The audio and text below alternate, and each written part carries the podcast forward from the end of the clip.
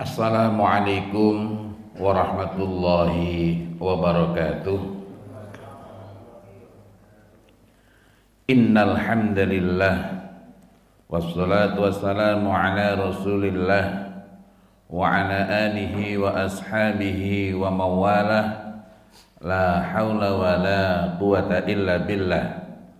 Rabbi li sadri wa yassir li amri wahlul 'uqdatam min lisani yafqahu qawli ma ba'd.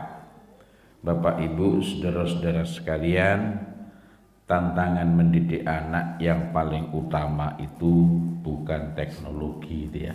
Ini teknologinya lagi nggak kompromi, nggak apa-apa ini. Eh, nggak e, pakai ini nggak apa-apa ya. Tapi ada tantangan mendidik anak yang beragam-ragam bentuknya. Saya ingin tanya kepada Bapak Ibu sekalian, tantangan mendidik anak di zaman ini sama enggak dengan zaman dulu? Sama.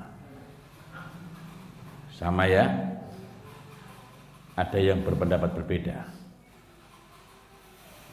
Tantangan mendidik anak itu di zaman apa pun sama. Bentuknya saja yang berbeda Sebagaimana anak di zaman ini dengan zaman dulu sama enggak?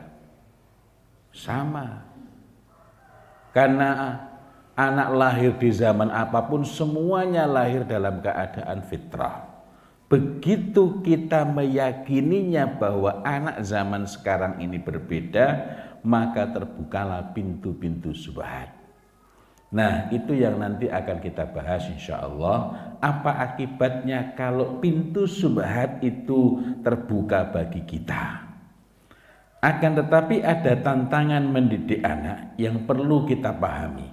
Ada tantangan yang bersifat abadi sebagaimana yang dinyatakan oleh Allah Subhanahu wa taala dalam Al-Qur'an surat An-Nisa ayat 9 dan ada tantangan-tantangan yang nanti munculnya di akhir zaman. Nah, kita tidak tahu uh, zaman ini termasuk enggak. Tetapi ketika digambarkan bahwa kiamat itu sudah uh, apa namanya sangat dekat, itu dinyatakannya di masa Rasulullah Shallallahu Alaihi Wasallam maka apalagi bagi kita yang hidup sekarang ini semakin perlu merasa khawatir bahwa tanda-tandanya akan semakin uh, lengkap di masa kita ini dan tidaklah akan terjadi kiamat kecuali jika tanda-tandanya telah sempurna. Nanti di tanah Arab yang gersang itu akan hijau sehijau kampung ini atau lebih hijau lagi. Nah, jadi kalau kita lewat dari e, Mekah ke Jeddah ada beberapa titik yang hijau itu berarti masih jauh. Tetapi itu sekaligus menunjukkan bahwa masanya semakin dekat dan sekaligus menunjukkan bahwa apa yang disampaikan oleh Rasulullah SAW itu benar adanya. Nah, nanti di Tabuk akan muncul taman-taman, ada dua taman sekurang-kurangnya Nah, sekarang belum, nanti pasti akan muncul.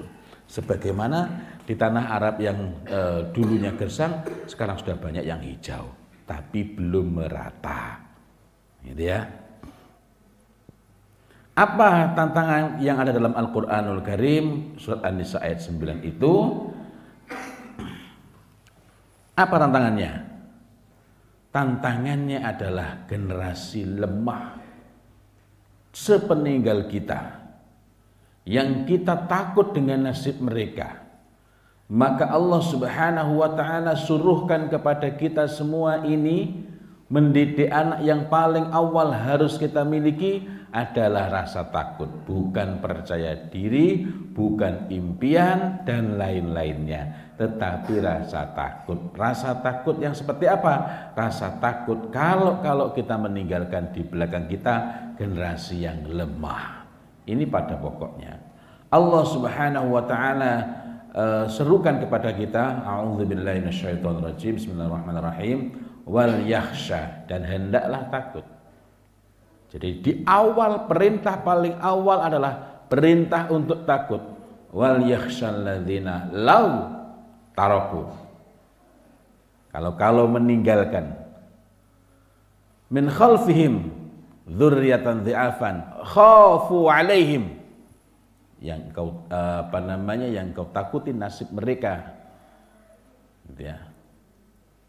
Nah lalu Allah Subhanahu wa taala eh, sekaligus eh, berikan resepnya agar apa yang kita takuti itu tidak menimpa pada keturunan kita, pada anak-anak kita, yakni Allah perintahkan kepada kita dua hal.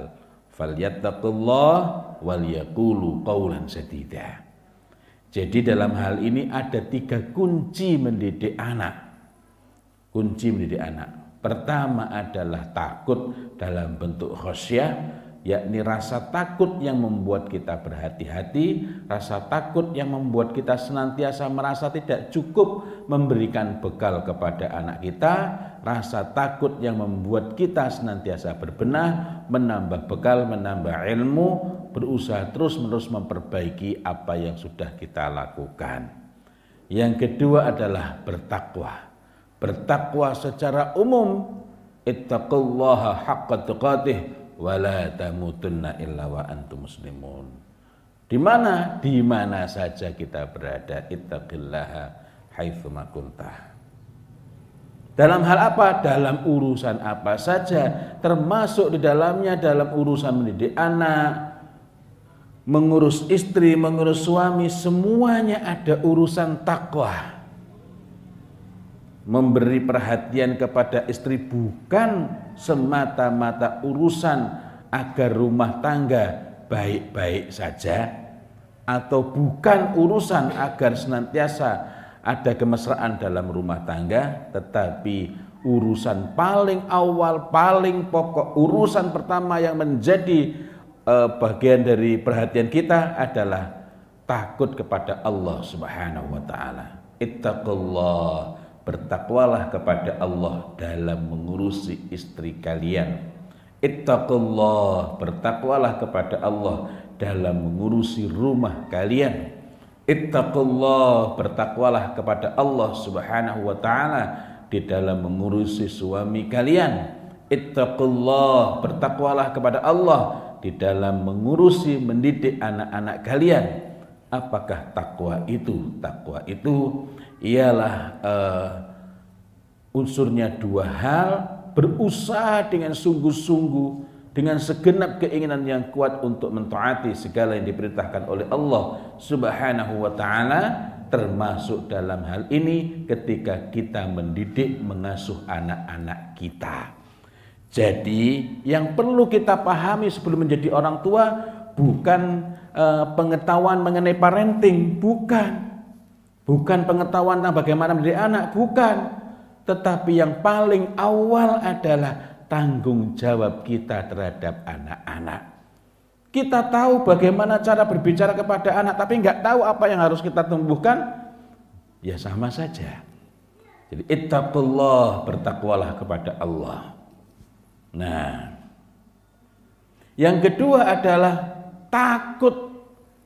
Takwa sendiri artinya takut ya takut berusaha dengan sungguh-sungguh berusaha untuk menjauhi segala apa yang dilarang oleh Allah Subhanahu wa taala termasuk dalam urusan mendidik, mengasuh, merawat anak-anak kita ini. Nah, pertanyaannya ketika kita mengasuh mendidik anak kita misalnya ada enggak itu?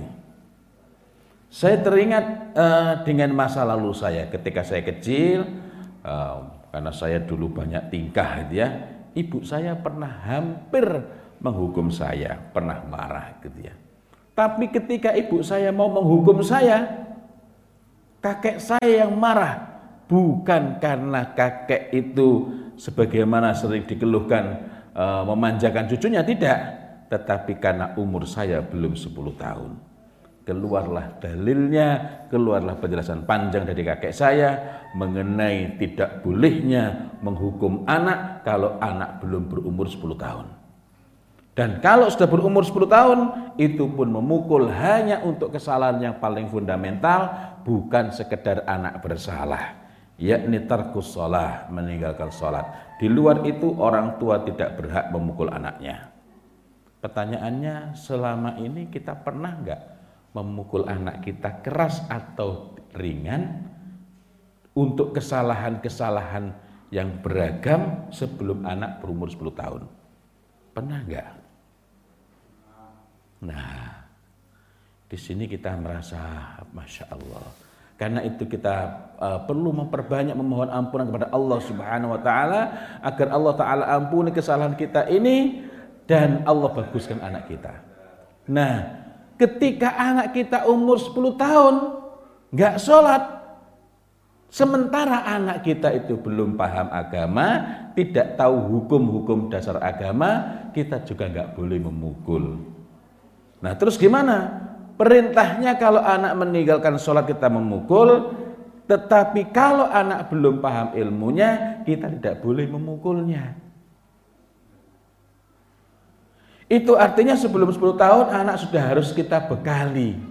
Nah pertanyaannya ada enggak anak-anak kita ini umur 10 tahun belum paham tata cara sholat, tata cara wudhu, tata cara yang lain-lain yang berhubungan dengan ibadah itu. Dan ada enggak anak kita yang umurnya walaupun 10 tahun tapi belum paham ilmu dasar agama khususnya mengenai fikih uh, ibadah itu lalu dipukul orang tuanya. Ada nggak? Nah, masya Allah kita berdosa, kita punya dosa uh, di hadapan Allah Subhanahu Wa Taala karena kita melakukan yang bukan hak kita, mengabaikan hak anak-anak kita. Nah, yang berikutnya lagi, Anak sudah usia 10 tahun. Kesalahannya bukan kesalahan yang sangat serius seperti itu. Kesalahan yang tidak begitu serius, kesalahan yang tidak begitu berat. Lalu kita pukul, ada nggak yang melakukan begitu? Kalau kita ringan tangan memukulnya, saya khawatir itu pertanda iman kita yang hilang, iman kita yang tipis, iman kita yang tidak ada. Karena dasar dalam mendidik anak itu adalah ittaqullah. Bertakwalah kepada Allah termasuk dalam urusan mendidik anak-anak ini. Gitu ya. Nah, berikutnya lagi apa resep ketiganya itu?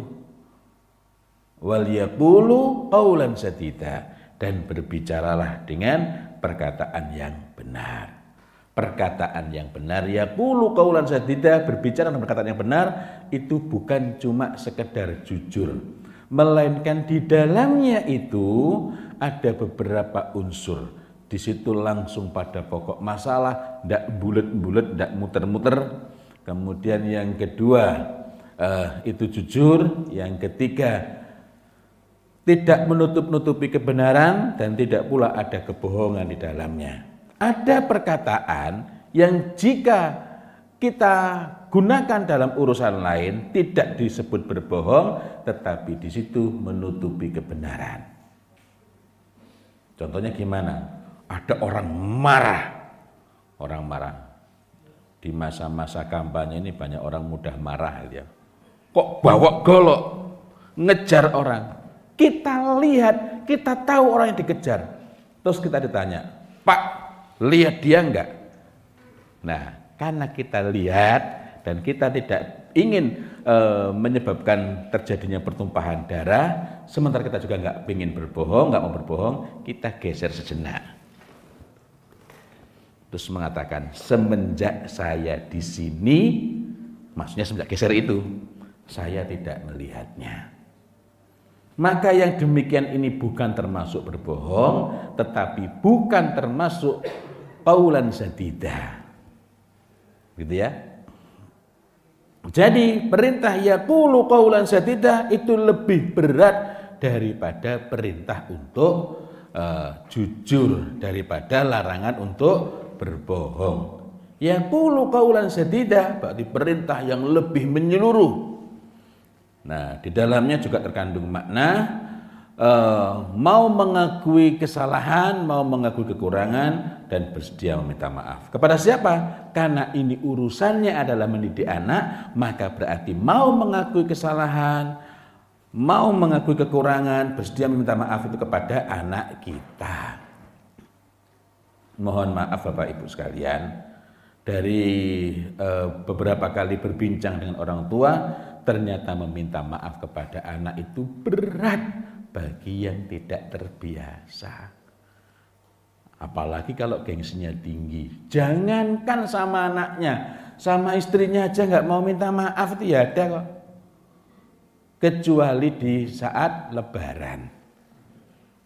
Di mana orang baik maupun orang jahat sama-sama minta maaf, yang kadang minta maafnya itu cuma copy paste, copy paste dari HP-nya ya. Jadi minta maaf itu yang seharusnya ya pada saat melakukan kesalahan itu.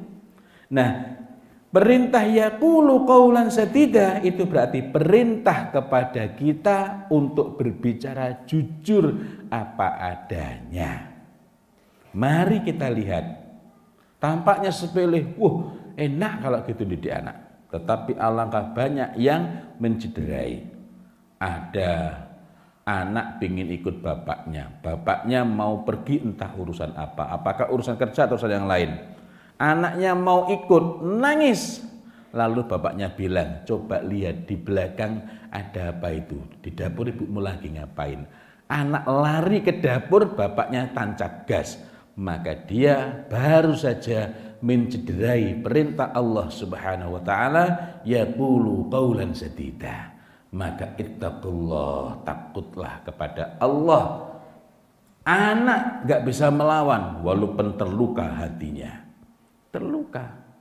Kalau anak sudah terluka merasa dibohongi merasa dikibuli merasa didustai jangan salahkan siapa-siapa jika anak tidak percaya pada nasihat kita. Ada orang tua menasihati anaknya sampai berurai air mata, anaknya tidak tergerak sedikit pun. Kenapa? Karena dia sudah sering ditipu oleh bapaknya. Kok ditipu? Contoh lagi, anak minta dibelikan sesuatu, apakah makanan, apakah e, minuman, dan ibunya mengatakan mohon maaf nak ya dengan bahasa yang sangat santun, halus, suaranya pelan, sambil usap-usap e, kepala anaknya. Ibu nggak punya uang. Karena berbicaranya dengan bahasa yang sangat halus, penuh dengan e, kasih sayang, maka hati anak luluh. Tetapi sebenarnya ini nggak pakai tetapi pun bermasalah. Kenapa? Jika emaknya ini punya uang, Ittaqullah, bertakwalah kepada Allah, jangan bohong.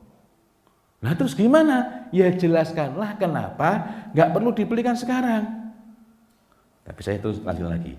Tetapi baru saja emaknya ini mengatakan nggak punya uang, dari belakang sudah teriak, Bu, gasnya habis. Langsung ibu ini bilang, oh iya mbak, ambil uangnya di belakang. Itu ada di atas kulkas.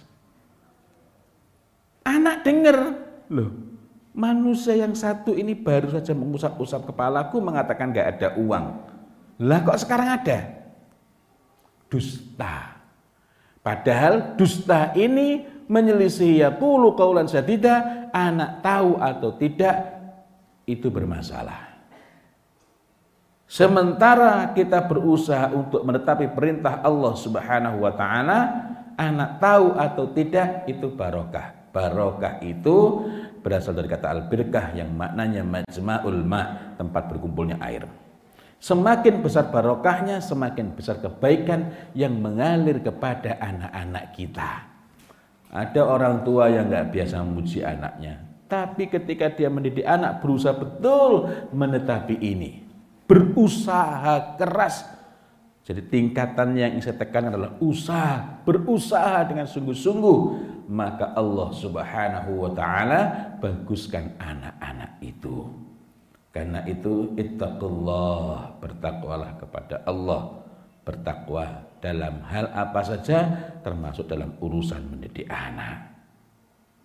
Nah, ini hal-hal yang kita perlu ambil sebagai pelajaran agar Allah Subhanahu wa taala ridhoi ikhtiar kita, usaha kita, kesungguhan kita mendidik anak dan Allah Ta'ala baguskan anak-anak kita.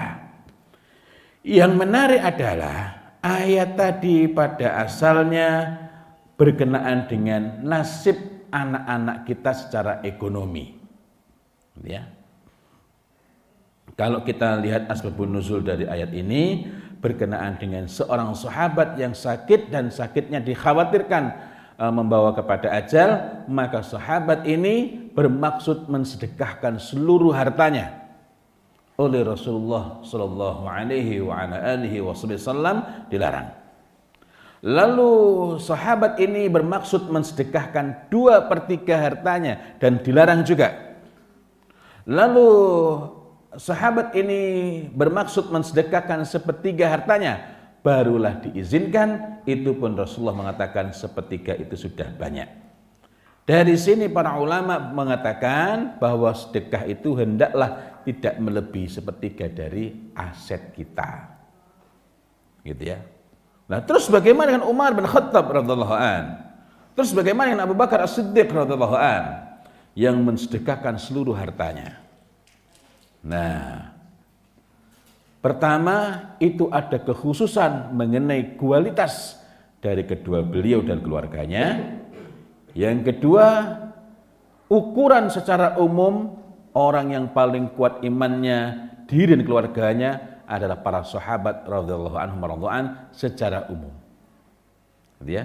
Maka kita perlu memperhatikan hal ini untuk apa? Agar tidak terjadi fitnah. Apa yang dimaksud fitnah? Dikarenakan melampaui batas itu lalu muncullah pada sebagian orang ini gara-gara ngaji nih sampai lalai macam-macam. Masa semuanya disedekahkan ya. Jadi sepertiga aset. Baik kembali lagi. Jadi pada asalnya ini berurusan dengan nasib secara ekonomi tetapi rumus yang diberikan oleh Allah Subhanahu wa taala rumusnya apa tadi tidak ada yang berkaitan dengan ekonomi. Tapi falyattaqullah waliyaqulu qawlan sadida. Mari kita ambil sebagai uh, kita ambil pelajarannya kita coba lihat hikmahnya. Bukan tafsirnya ya tapi hikmahnya.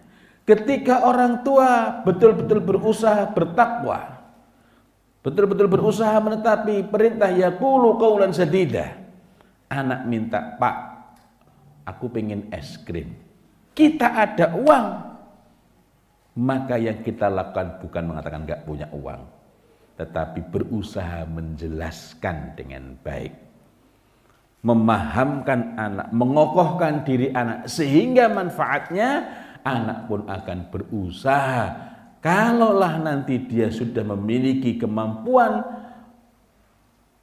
kemampuan itu kalau anak umur tujuh tahun ya mesti dari orang tuanya dapat apa punya uang apakah dikasih orang tua atau yang lain punya uang dia mampu mengendalikan diri, tidak uh, tidak melampaui batas, tetap mampu untuk mengelola, mampu mentasarufkan hartanya, membelanjakan hartanya dengan baik. Tapi kalau anak tidak punya kendali diri ini tidak memiliki tamyiz dalam dirinya, tamyiz adalah kemampuan membedakan benar dan salah, baik dan buruk dengan akalnya. Karena itu menyampaikan pada anak, oh iya nak ya, enggak eh, dulu nak ya, Bapak punya uang, tapi uang ini untuk yang lain. Kita jelaskan. Itu berarti menyiapkan anak untuk memiliki tamyiz. Nah, dengan itu maka ketika anak telah mencapai tamyiz, orang yang disebut sebagai mumayyiz, apalagi ketika mencapai usia-usia berikutnya, anak memiliki uang pun tidak bersifat tidak bersifat reaktif, ada orang lewat langsung uh, nyegat beli. Ada anak umur sudah 9 tahun, nggak bisa tenang kalau ada orang jualan lewat. Kalau minta langsung nangis itu berarti tangisnya belum tumbuh dan ini munculnya kenapa? Wallahu a'lam bishawab di antaranya karena orang tua terbiasa untuk tidak jujur. Oh, bunda atau ma es krim, gak enak, gak enak, gak usah, enggak aku mau kok. Nah, Kenapa? Karena orang tua ambil ringkasnya. Dan ambil ringkasnya itu menyebabkan orang tua terjatuh kepada menyelisih perintah yaqulu qaulan sadidah. Ini. Nah, jadi kembali lagi pada asalnya ini berurusan dengan secara, secara, secara ekonomi, tetapi masya Allah yang Allah Subhanahu wa taala berikan yang Allah Subhanahu wa taala tuntunkan jawaban dari masalah itu adalah pada takwa dan paulan sedidah. Mari kita coba periksa diri kita sendiri. Ketika kita mengurusi anak-anak, termasuk uh, ketika kita berinteraksi bergaul dengan uh, istri, dengan suami, ada enggak hidup di dalam pergaulan kita ini paulan sedidah. Meskipun dalam urusan suami kepada istri yang lebih ditekankan adalah qaulan ma'rufah. Ya. Qaulan ma'rufah itu gimana? Nah, lain kali mudah kita bisa bahas dia. Nah, itu tantangan tantangan uh, mendidik anak yang sifatnya abadi. Nah, tantangan yang abadi itu berlaku di zaman apa saja. Dan karena itu kita perlu senantiasa merasa khawatir dengannya dan menyiapkan bekal agar itu tidak berulang pada kita. Tantangan lain apa? Ada yang tidak punya anak, tetapi dia memiliki keutamaan seperti orang yang anaknya banyak. Karena dari anak yang dia asuh, anak yang dia perhatikan, semuanya mengalirkan kebaikan bagi dia. Tapi ada orang yang banyak anak, tetapi mandul Siapa itu? Nanti kita akan lihat. Rasulullah SAW memperingatkan kepada kita mengenai hal ini. Dan mohon maaf bapak-bapak, yang disebut pertama kali itu bukan ibu-ibu. Kan yang ngurusi di umumnya yang kita lihat di sekeliling kita kan ibu-ibu. Bukan. Sebab paling awal itu adalah laki-laki seorang bapak yang dia tidak mampu memberikan apa pun kepada anaknya meskipun dia berpunya kecuali hanya uangnya saja. Itu pun kalau keluar uangnya. Nah, jadi jangan merasa cukup karena sudah memberikan uang kepada anak. Karena sangat banyak hal yang tidak dapat dibeli dengan uang. Uang itu bisa membeli makanan yang lezat, tapi bukan nikmatnya makan. Ada orang ketemu makanan kesukaannya. Pas mau makan diomeli. Enak nggak? Enak nggak? Nggak enak. Uang itu bisa membeli makanan yang lezat, tapi bukan nikmatnya makan. Uang itu juga bisa membeli senyuman, tapi bukan ketulusan. Datanglah ke rumah makan, rumah makan yang baik-baik itu normalnya mesti sambut dengan senyuman. Tapi coba keluar nggak bayar. Uang itu bisa membeli hiburan, tapi bukan kebahagiaan. Andai kata hiburan itu sama dengan kebahagiaan, tentulah tidak ada artis yang kena narkoba kerjaan mereka menghibur orang, malah berjingkrak-jingkrak, tetapi banyak di antara mereka yang jauh dari kebahagiaan. Uang itu bisa membeli rumah yang sangat besar, tapi bukan lapangnya hati untuk tinggal di dalamnya. Ada orang yang rumahnya sangat besar, tapi nggak kerasan di dalamnya. Itu ya. Sudah tiap hari lebih banyak di luar rumah, berangkat sebelum subuh, tiba di rumah jam 10 malam, tergeletak sebentar, berarti kan belum menikmati rumahnya. Wong orang namanya kalau sudah tidur itu di mana saja ya sama saja itu kan. Sebelum subuh sudah berangkat lagi ke kantor, akhir pekan itu loh nggak betah di rumah. Apa? Liburan keluar rumah. Lu kapan menikmati rumahnya? Mohon maaf, saya pernah ke sebuah kompleks perumahan. Akhir pekan sepi. Akhir pekan itu Sabtu atau Ahad? Sabtu Ahad. Ahad itu hari pertama ya. Cuma sekarang kita menjadi menganggap Ahad itu akhir pekan, itu awal pekan. Ya oke lah, anggaplah Sabtu Ahad. Sepi, ke mana? Pada ke puncak. Untuk apa? Refreshing. Oh, refreshing. Lah refreshingnya ngapain? Ya, biar nggak jenuh. Cari suasana berbeda. Loh, apa suasananya berbeda? Wong tiap hari macet. Ke puncak juga macet. Gitu kan? Coba mereka itu bercanda dengan anaknya di rumah, ya. malah berbeda kan suasananya. Nah, jadi ditinggalinya kapan? Lebaran ya mudik. Aneh juga ya. Aneh juga. Dan rupanya betul. Uang itu bisa membeli bangunan yang megah untuk dijadikan tempat tinggal, tapi bukan rumah yang meneduhkan hati untuk ditinggali. Money can buy houses, but not home. Nah, jadi awalnya adalah bapak yang tidak mampu memberikan apa pun kepada anaknya meskipun ia berpunya. Kok bisa begitu?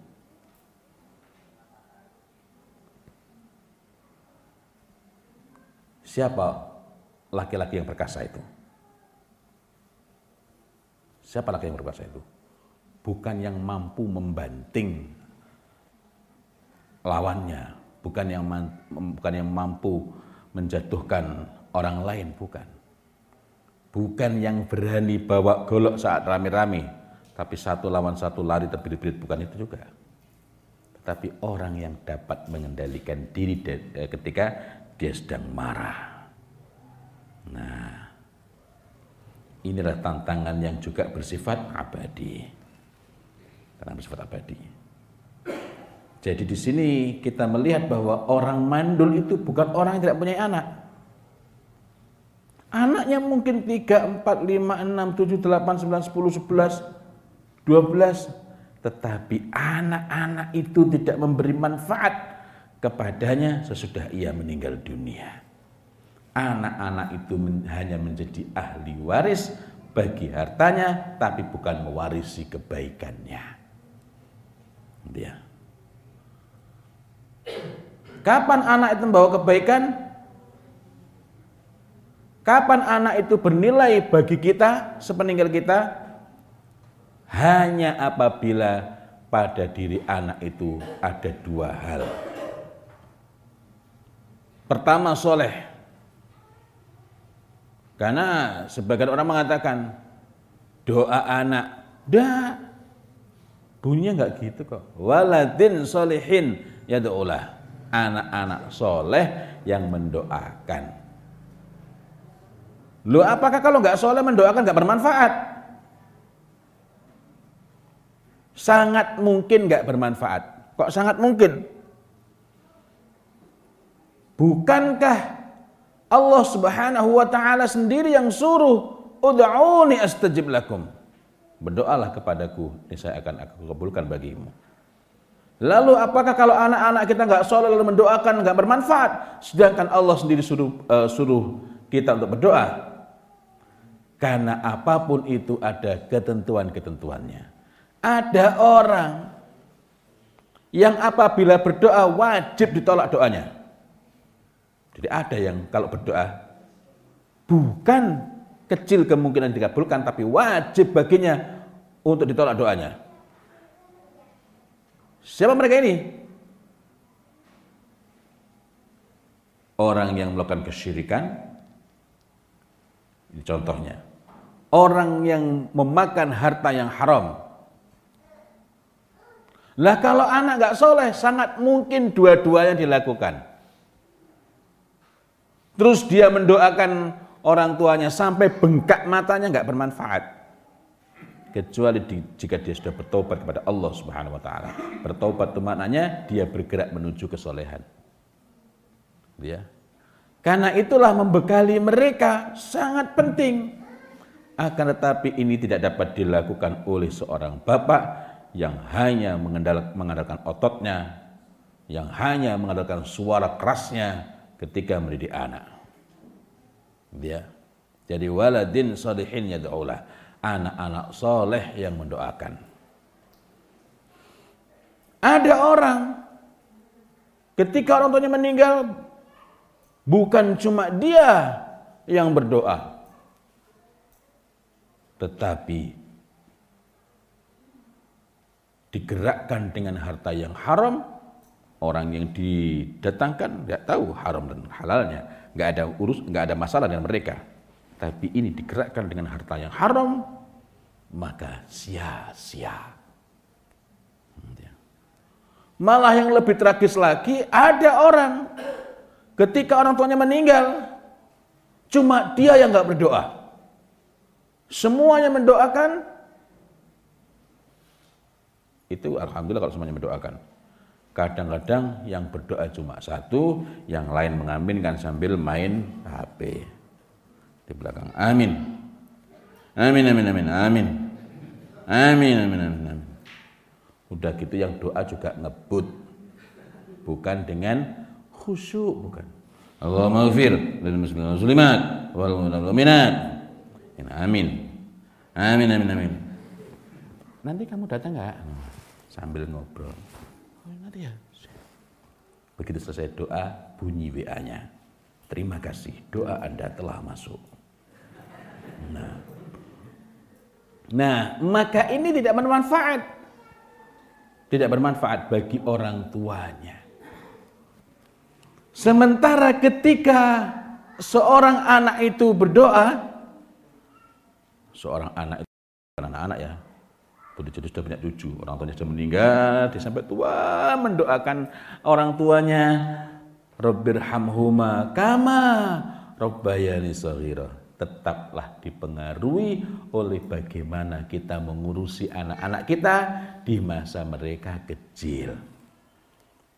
Rabbi firli wali walidayya warhamhuma dan kasih sayangilah mereka berdua kama sebagaimana Robbayani mereka mentarbiahku bukan sebagaimana mereka menyayangiku semata-mata sehira di waktu kecil jadi besarnya perhatian kita besarnya kesungguhan kita mendidik anak mengurusi anak saat mereka kecil ini Masya Allah Masya Allah. Kalau seperti itu saya jadi apa namanya mengelus dada sendiri. Jangan-jangan kalau anak-anak berdoa itu istri saya dapat 80% kebaikan dibanding saya. Ibaratnya 100% itu ya. Nah, istri saya dapat 80, saya cuma dapat 20. Itu mending kalau 20 ya. Kalau saya dapat kebaikannya 95%, saya cuma 5%. Ya Allah. Maka kita perlu perhatikan bagaimana kita mengurusi anak-anak kita ketika kita ketika anak-anak kita masih kecil. Karena doa anak-anak tadi kama sebagaimana Robbayani mentarbiyahku mereka ini mentarbiyahku sehira di waktu kecil. Nah, jadi siapa orang tua yang anaknya banyak dari mandul itu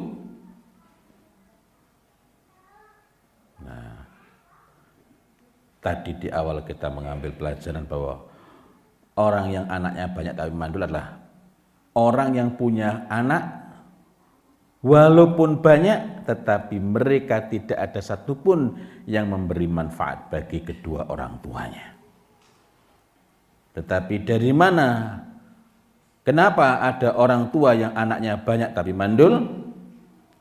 Nah, ini berasal dari laki-laki bapaknya ini, bapaknya. Nah, laki-laki tidak bisa melahirkan. Laki-laki yang tidak mampu memberikan apa pun kepada anaknya. Dari mana awalnya urusannya? Urusannya bukan soal harta ada orang tua yang sangat miskin. Sangat miskin. Menyekolahkan anak itu hampir-hampir tidak mampu. Tapi dia mampu memberikan apa saja kepada anaknya. Hampir semuanya. Anaknya pengen sekolah, ojo khawatir nak, jangan khawatir nak. Insya Allah ada jalan. Ia memberikan anaknya harapan. Menumbuhkan kepada anaknya keyakinan. Jangan khawatir nak, soal biaya jangan khawatir nak. Kamu belajar yang sungguh-sungguh nak. Nanti Allah yang kasih kamu nak. Bapak yang mintakan kepada Allah nak. Gak punya apa-apa. Untuk pinter gak harus punya buku nak. Tak pinjemkan. Nanti bapak yang cari pinjaman buku itu ada orang anaknya sekarang sudah lulus SD, bukunya masih banyak itu. Nanti saya pinjamkan. Ini bapak, walaupun dia sangat miskin, dia mampu memberikan apa saja kepada anaknya. Nah, dalam urusan seorang bapak yang tidak mampu memberikan apa pun kepada anaknya, kaitannya dengan apa itu? Nah, kaitannya dengan apa? Kaitannya dengan kemampuan menguasai diri dirinya sendiri ketika marah. Jadi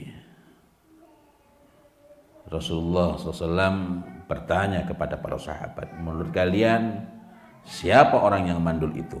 Abdullah bin Mas'ud radhiallahu an mengatakan ini menceritakan situasi terjadi saat itu kami yakni para sahabat radhiallahu anhu an menjawab orang yang tidak mempunyai anak. Maka Nabi SAW menjawab bukan seperti itu. Orang yang mandul adalah seorang laki-laki ini menunjukkan pentingnya peranan bapak-bapak. Bukan, ya itu kan urusannya ibu-ibu. Ada surat Lukman berkenaan dengan bapak. Enggak ada surat tentang ibu. Kalau Maryam, Maryam tentang seorang perempuan suci. Ya. Orang yang mandul adalah seorang laki-laki yang tidak mampu memberikan apa pun kepada anaknya. Beliau sallallahu alaihi wasallam berkata lagi, Menurut kalian siapa orang yang perkasa itu? Abdullah bin Mas'ud radhiallahu an mengatakan, kami menjawab. Jadi para sahabat radhiallahu anhum radhiallahu menjawab, orang yang perkasa itulah laki-laki yang tidak terkalahkan. Nabi SAW bersabda, orang yang perkasa itu adalah yang dapat menguasai dirinya ketika marah. Dari sini kemudian uh, ada penjelasan bahwa tidak mampunya laki-laki itu memberikan apa pun kepada anaknya bukanlah karena masalah fulus, bukanlah karena masalah harta, tetapi yakni tidak mampu memberikan kelembutannya, tidak mampu memberikan perhatiannya, tidak mampu memberikan pendampingannya kepada anaknya karena laki-laki ini tidak mampu menguasai dirinya ketika marah, mudah marah ketika anaknya Rewel enggak, ganggu enggak. Kadang terjadi kan. Anak itu bukan mau mengganggu orang tuanya. Orang tuanya yang terganggu. Kalau anak bercanda dengan saudaranya itu baik enggak? Baik. Anak lagi bercanda dengan saudaranya. Bapaknya pengen istirahat. Marah. Kamu tuh ganggu aja. Anak bertengkar dengan saudaranya, bapaknya juga marah, repot. Akhirnya anak menjauh dari rumah. Kenapa? Di rumah dia tidak betah. Jadi siapa yang mengajari anak untuk bermusuhan dengan saudaranya? Bapaknya. Siapa yang mengajari anak untuk untuk gak betah di rumahnya? Siapa? Bapaknya. Ya enggak? Kalau di rumah itu anak-anak mendapatkan bapaknya, bapak dalam fungsinya yang benar, anak itu betah di rumah. Tapi kalau di rumah yang ada cuma stempel bapak dan stempel ibu, dijak ngomong susah banget, ya engganlah mereka. Nah, itu tadi tantangan yang bersifat abadi. Mudah-mudahan Allah Subhanahu wa taala berikan pertolongan kepada kita dan hendaklah kita senantiasa menghidupkan isti'anah memohon pertolongan kepada Allah Subhanahu wa taala agar Allah taala baguskan anak-anak kita betapapun kita masih sangat jauh dari yang seharusnya. Maka yang saya tekankan pada perbincangan inilah berusaha. Berusaha. Ada orang yang berusaha dengan sungguh-sungguh. Dia tidak meraihnya, tapi Allah Ta'ala berikan kebaikan yang sangat besar. Ada orang hidup di masa sebelum Rasulullah SAW diutus sebagai nabi. Ia gelisah melihat orang-orang menyembah berhala. Dia meyakini tidak, ini salah, ini salah, ini salah.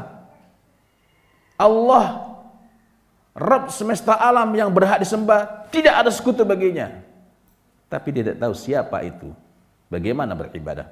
Maka di hadapan uh, uh, dia beribadah di depan Ka'bah berdoa hanya berdoa dengan mana ya uh, ya Allah Rabb yang hak hanya kepadamu aku menyembah. Dia berusaha mencari agama yang benar, menjauhi maksiat. Dia pergi ke Syam, tepatnya ke Damaskus. Menemui rahib Yahudi dan dia bertanya apakah ini agama yang benar? Apakah agama agama yang benar? Apakah ini agama yang masih terjaga, yang murni?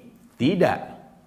Rahib Yahudi itu tidak eh, tidak dapat memberikan jaminan karena sudah banyak tahrif perubahan-perubahan di dalam kitab Taurat. Maka dia menemui pendeta Nasrani yang dia lihat kebaikannya di antara sekian banyak oh ini yang paling dapat dipercaya. Maka pendeta Nasrani itu mengatakan pulanglah kembali ke negerimu yakni Al-Makkah Al-Mukarramah. Karena nabi akhir zaman, nabi penutup para nabi akan diutus akan muncul di zamanmu ini di negerimu sendiri, yakni Al-Makkah Al-Mukarramah. Nah, maka Zaid nama orang ini kembali ke Makkah. Belum tiba di Makkah dia sudah dibegal dan dibunuh, mati dalam perjalanan kembali ke Al-Makkah Al-Mukarramah. Dan sebelum meninggal dia berdoa kepada Allah Subhanahu wa taala, "Ya Allah, jika engkau menghalangiku dari mendapatkannya, yakni mendapatkan dinul hak agama yang benar itu, maka jangan janganlah engkau halangi anakku, keturunanku dari mendapatkannya.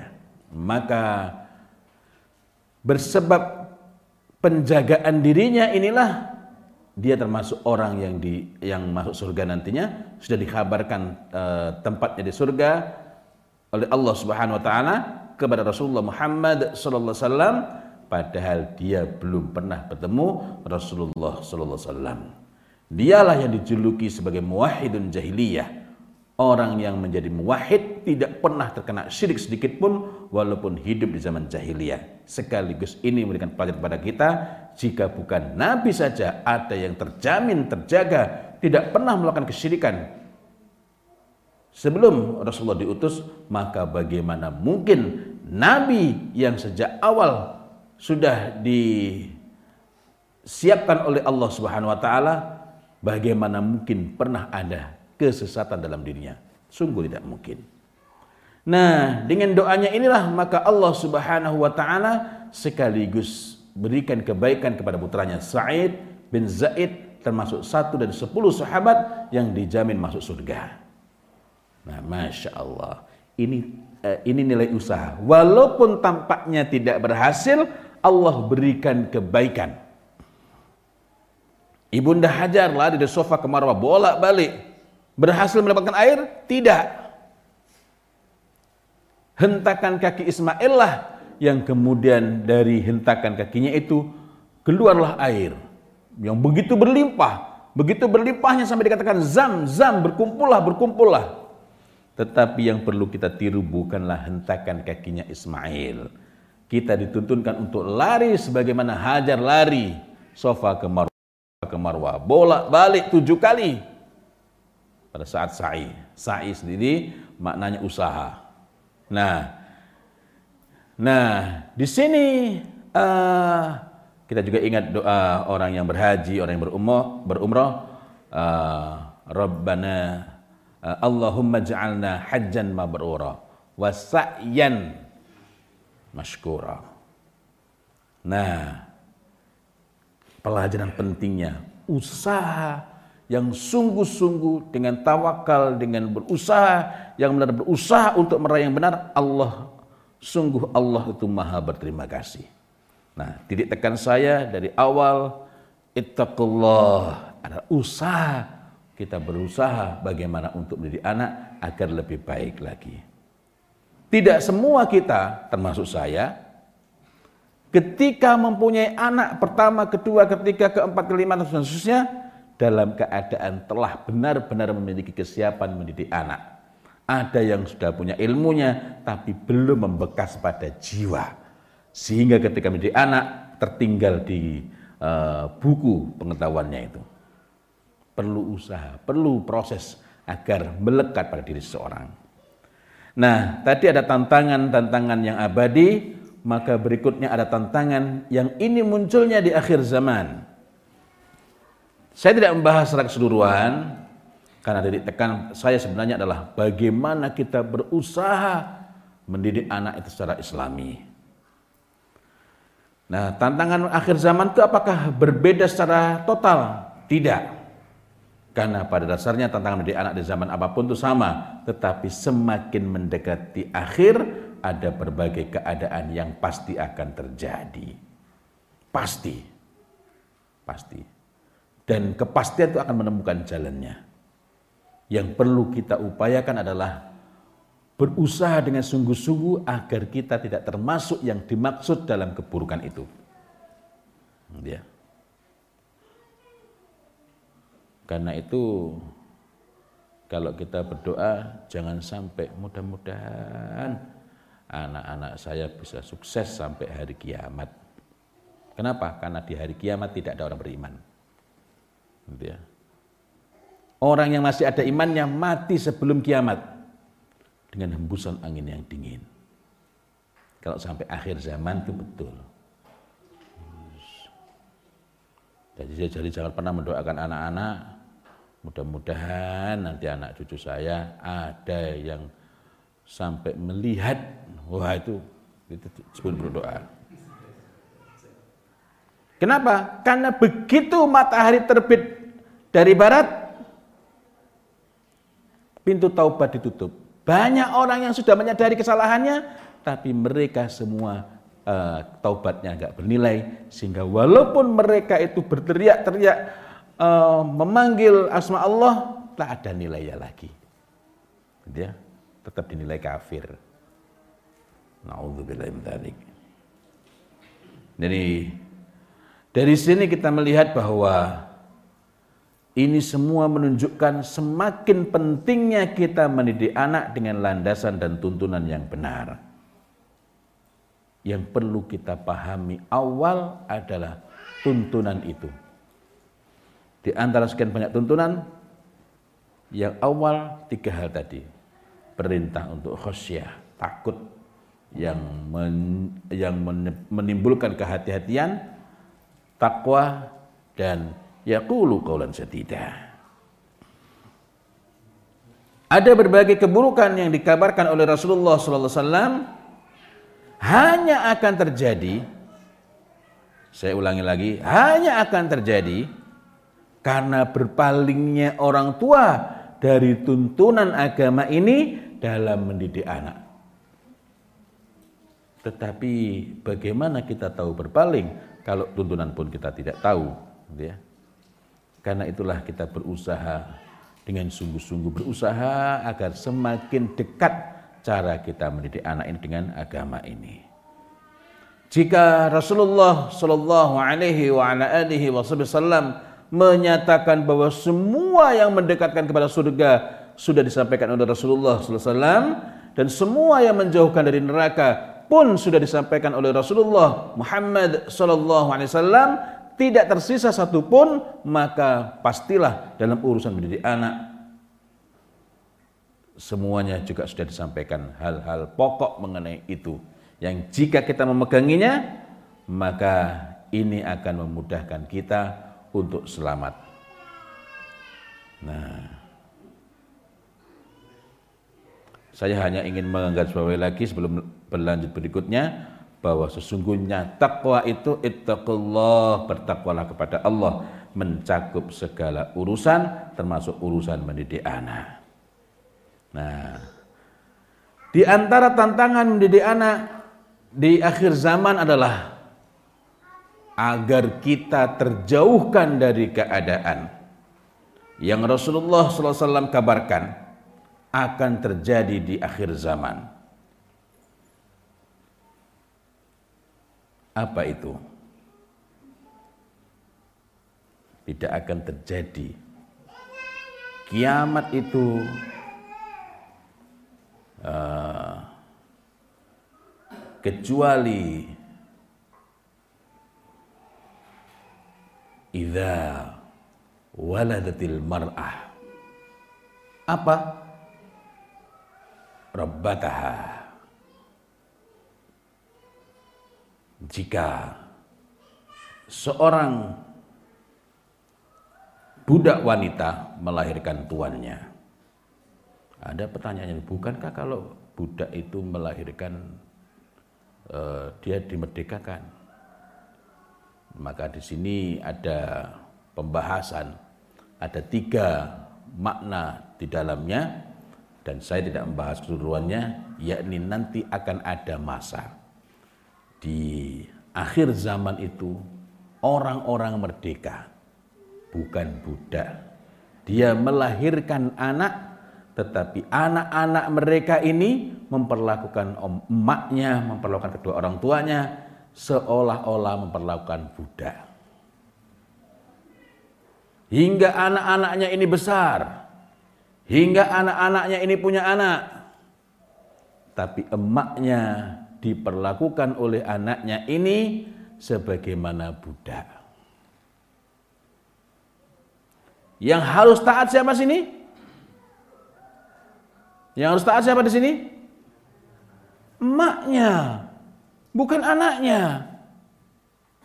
Emaknya taat pada anaknya. Ditentukan oleh anaknya. Terus disibukkan jadi suruh-suruhan anaknya. Itu berbeda dengan contoh. Ada orang tua yang senang sekali masak. Senang sekali masak. Kalau mengunjungi anaknya, dia pengennya yang masak. Saya perlu berikan jelasan ini karena ada orang yang bermasalah takut kalau e, menzolimi orang tuanya, orang tuanya datang nggak boleh masak. Untah bu, sudahlah bu, ibu mau apa? Biar kami yang masakkan. Orang tuanya nggak betah, nangis pulang. Kenapa? Merasa nggak dipercaya. Jadi bukan begitu ya.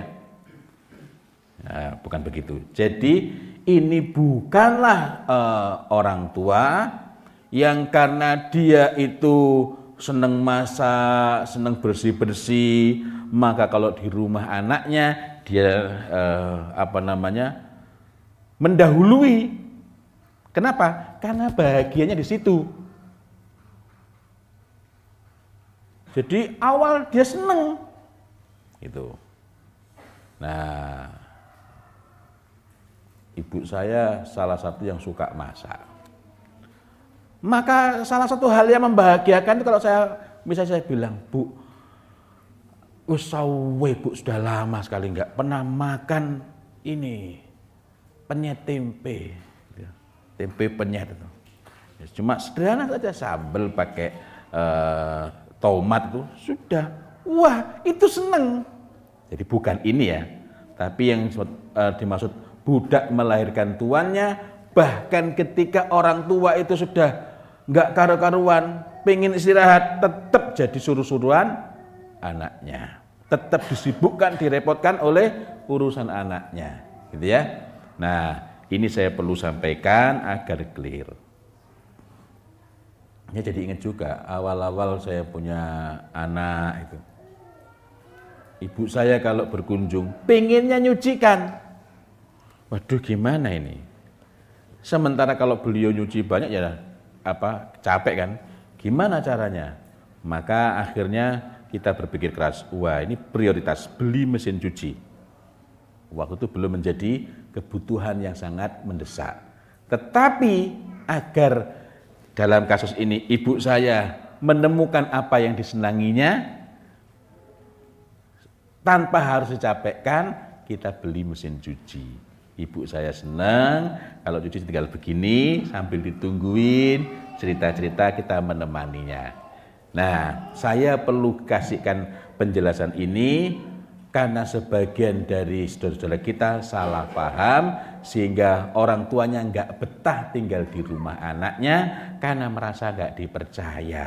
Ada yang sampai nangis mungkin karena sudah sudah tua, pegang ini nggak boleh, pegang ini jijik gitu ya. Nah, jadi bukan itu ya. Karena namanya birrul waliden itu melayani itu bukan berarti kita senantiasa yang membikinkan. Tetapi kadang-kadang orang tua itu pingin menunjukkan pada cucunya bisa masak ini. Nah, kita temani ya. Oh, cari apa? Cari apa?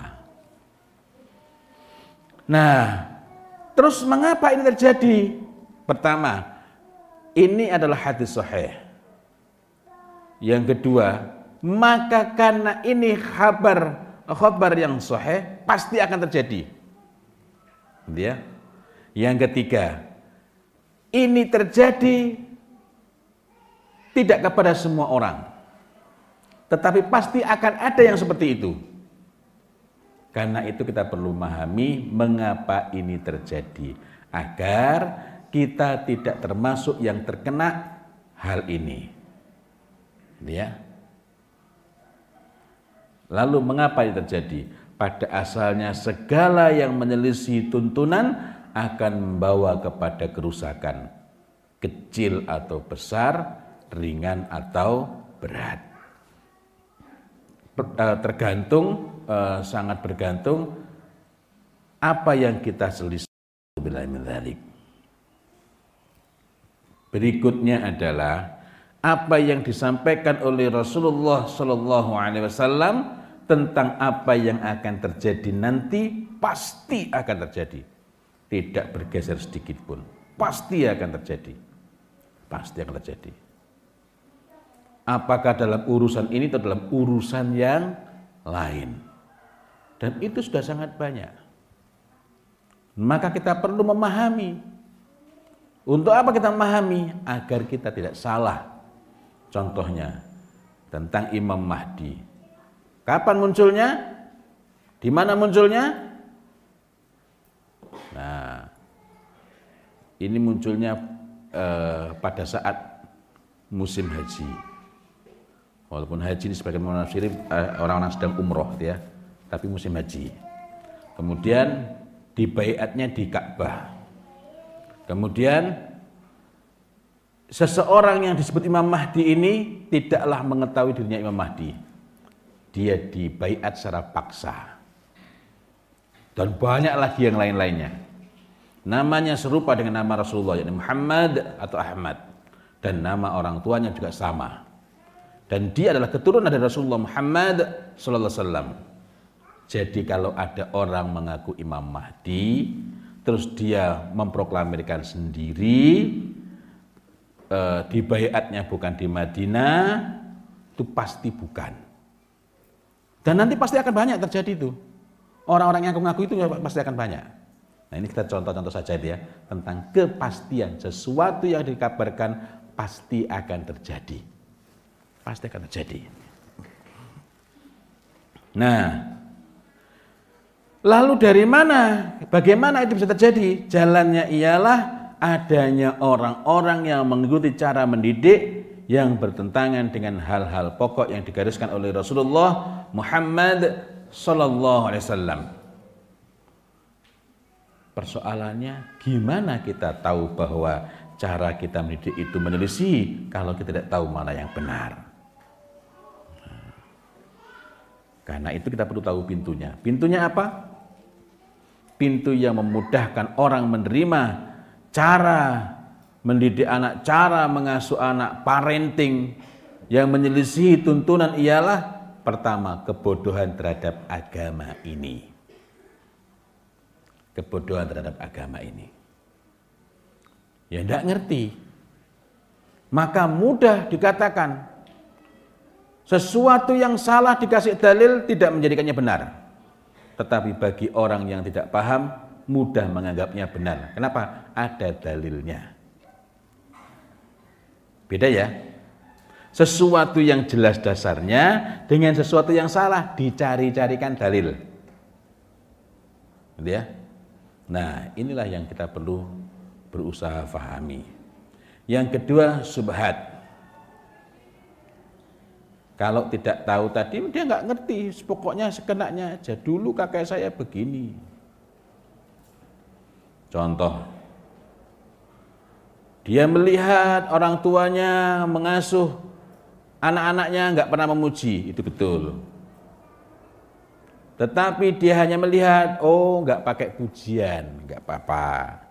Tapi juga nggak pakai yang lain. Ini kan jadinya salah. Ya. Atau yang lain-lainnya lagi. Jadi hanya melihat, oh dulu itu orang tua saya membiarkan saja anak sholat atau enggak dibiarkan saja, tapi tidak melihat kapan itu. Anak enggak sholat enggak pernah dipukul, tapi enggak pernah melihat kapan itu. Padahal orang tuanya benar dalam mendidik disebabkan mulai memerintah anaknya sholat umur tujuh tahun. Jadi sebelum tujuh tahun nggak pernah disuruh. Cuma ditawari, mau nggak ikut? Nggak mau aku. Oh ya.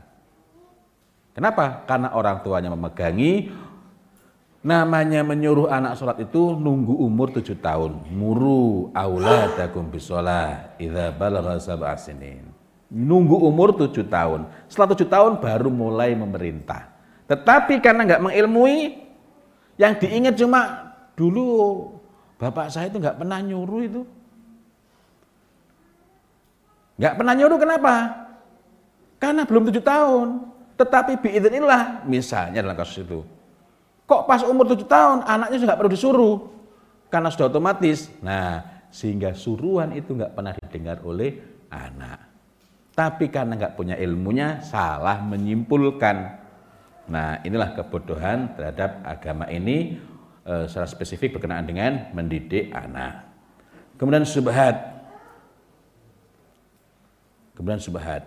Subhat ini apa? Sesuatu yang tampaknya islami, istilahnya yang juga istilah agama, tetapi isinya belum tentu sama dengan yang dimaui agama.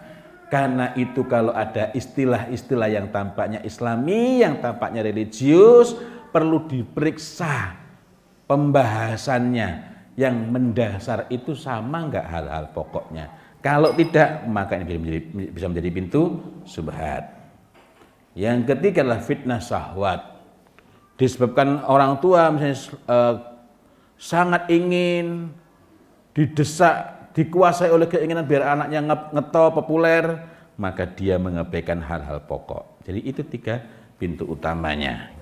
Ya. Contoh lagi nanti lainnya. Hari ini mulai banyak orang tua dan guru yang menghindarkan lisannya dari memberikan kalimat perintah dan larangan. Padahal manusia itu diuji dengan perintah dan larangan. Tapi kelak dan hari ini mulai ada. Akan ada yang menghindarkan anak-anaknya dari dua hal ini. Dua hal ini apa? Perintah dan larangan. Sehingga mereka hanya mengetahui perintah dan larangan. Bedakan antara mengetahui perintah dengan menerima perintah dan larangan.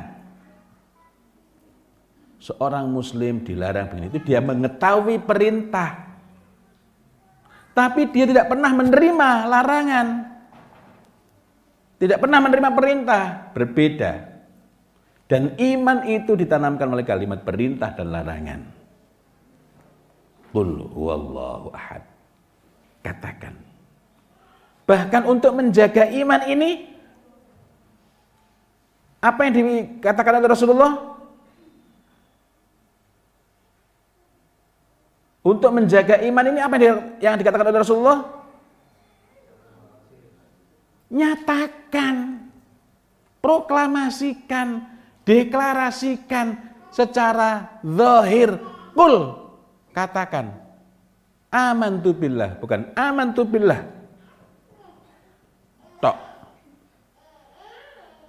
Bukan uh, apa namanya? Beriman ke aku beriman kepada Allah. Tapi nyatakan kul. Amantu billah. Setelah itu summastaqim jadi menyatakan. Menyatakan itu menjadi apa namanya? pelindung. Gitu ya. Nah, karena anak hanya mengetahui perintah maupun larangan, tetapi tidak terbiasa menerima perintah dan larangan, maka kalau anak dikasih perintah maupun larangan, sesak dadanya. Tidak bisa menerima perintah dengan lapang hati kita mengambil pelajaran tadi. Umur tujuh tahun, umur tujuh tahun, saya ulangi lagi, umur tujuh tahun, jadi anak masih kecil. Rasulullah SAW perintahkan kepada kita untuk apa? Bukan mengajari anak sholat, memerintahkan muru sobiyah di sholat. Perintahkanlah jadi yang kita gunakan apa? Kalimatnya kalimat perintah. Apakah kalau kalimat perintah mesti kasar? Tidak, bisa halus, bisa lembut. Gitu ya. Itu berarti sebelum tujuh tahun tugas kita menyiapkan anak agar anak senang kalau dapat perintah itu. Jadi di sini ada hal yang harus kita perhatikan yakni memerintahkan. Bukan ngajak lagi memerintahkan. Muru sobia memerintah itu nggak sama dengan kasar kok. Nah kita ini lemah nak. Maka mintalah kepada Allah nak. Jangan kamu merasa lemah. Perintah larangan bersamaan. Beriringan ya jangan kamu merasa lemah perintah dan larangan beriringan ada yang mengatakan, kan sekarang sudah bukan zamannya. Nah ini contoh-contoh pintu subhat. Sekarang ini era milenial. Generasi milenial itu gak bisa kasih perintah dan larangan. Karena kita meyakini subhat ini, maka konsekuensinya kita tidak yakin dengan hadis Nabi. Tentang apa itu? Tentang apa itu?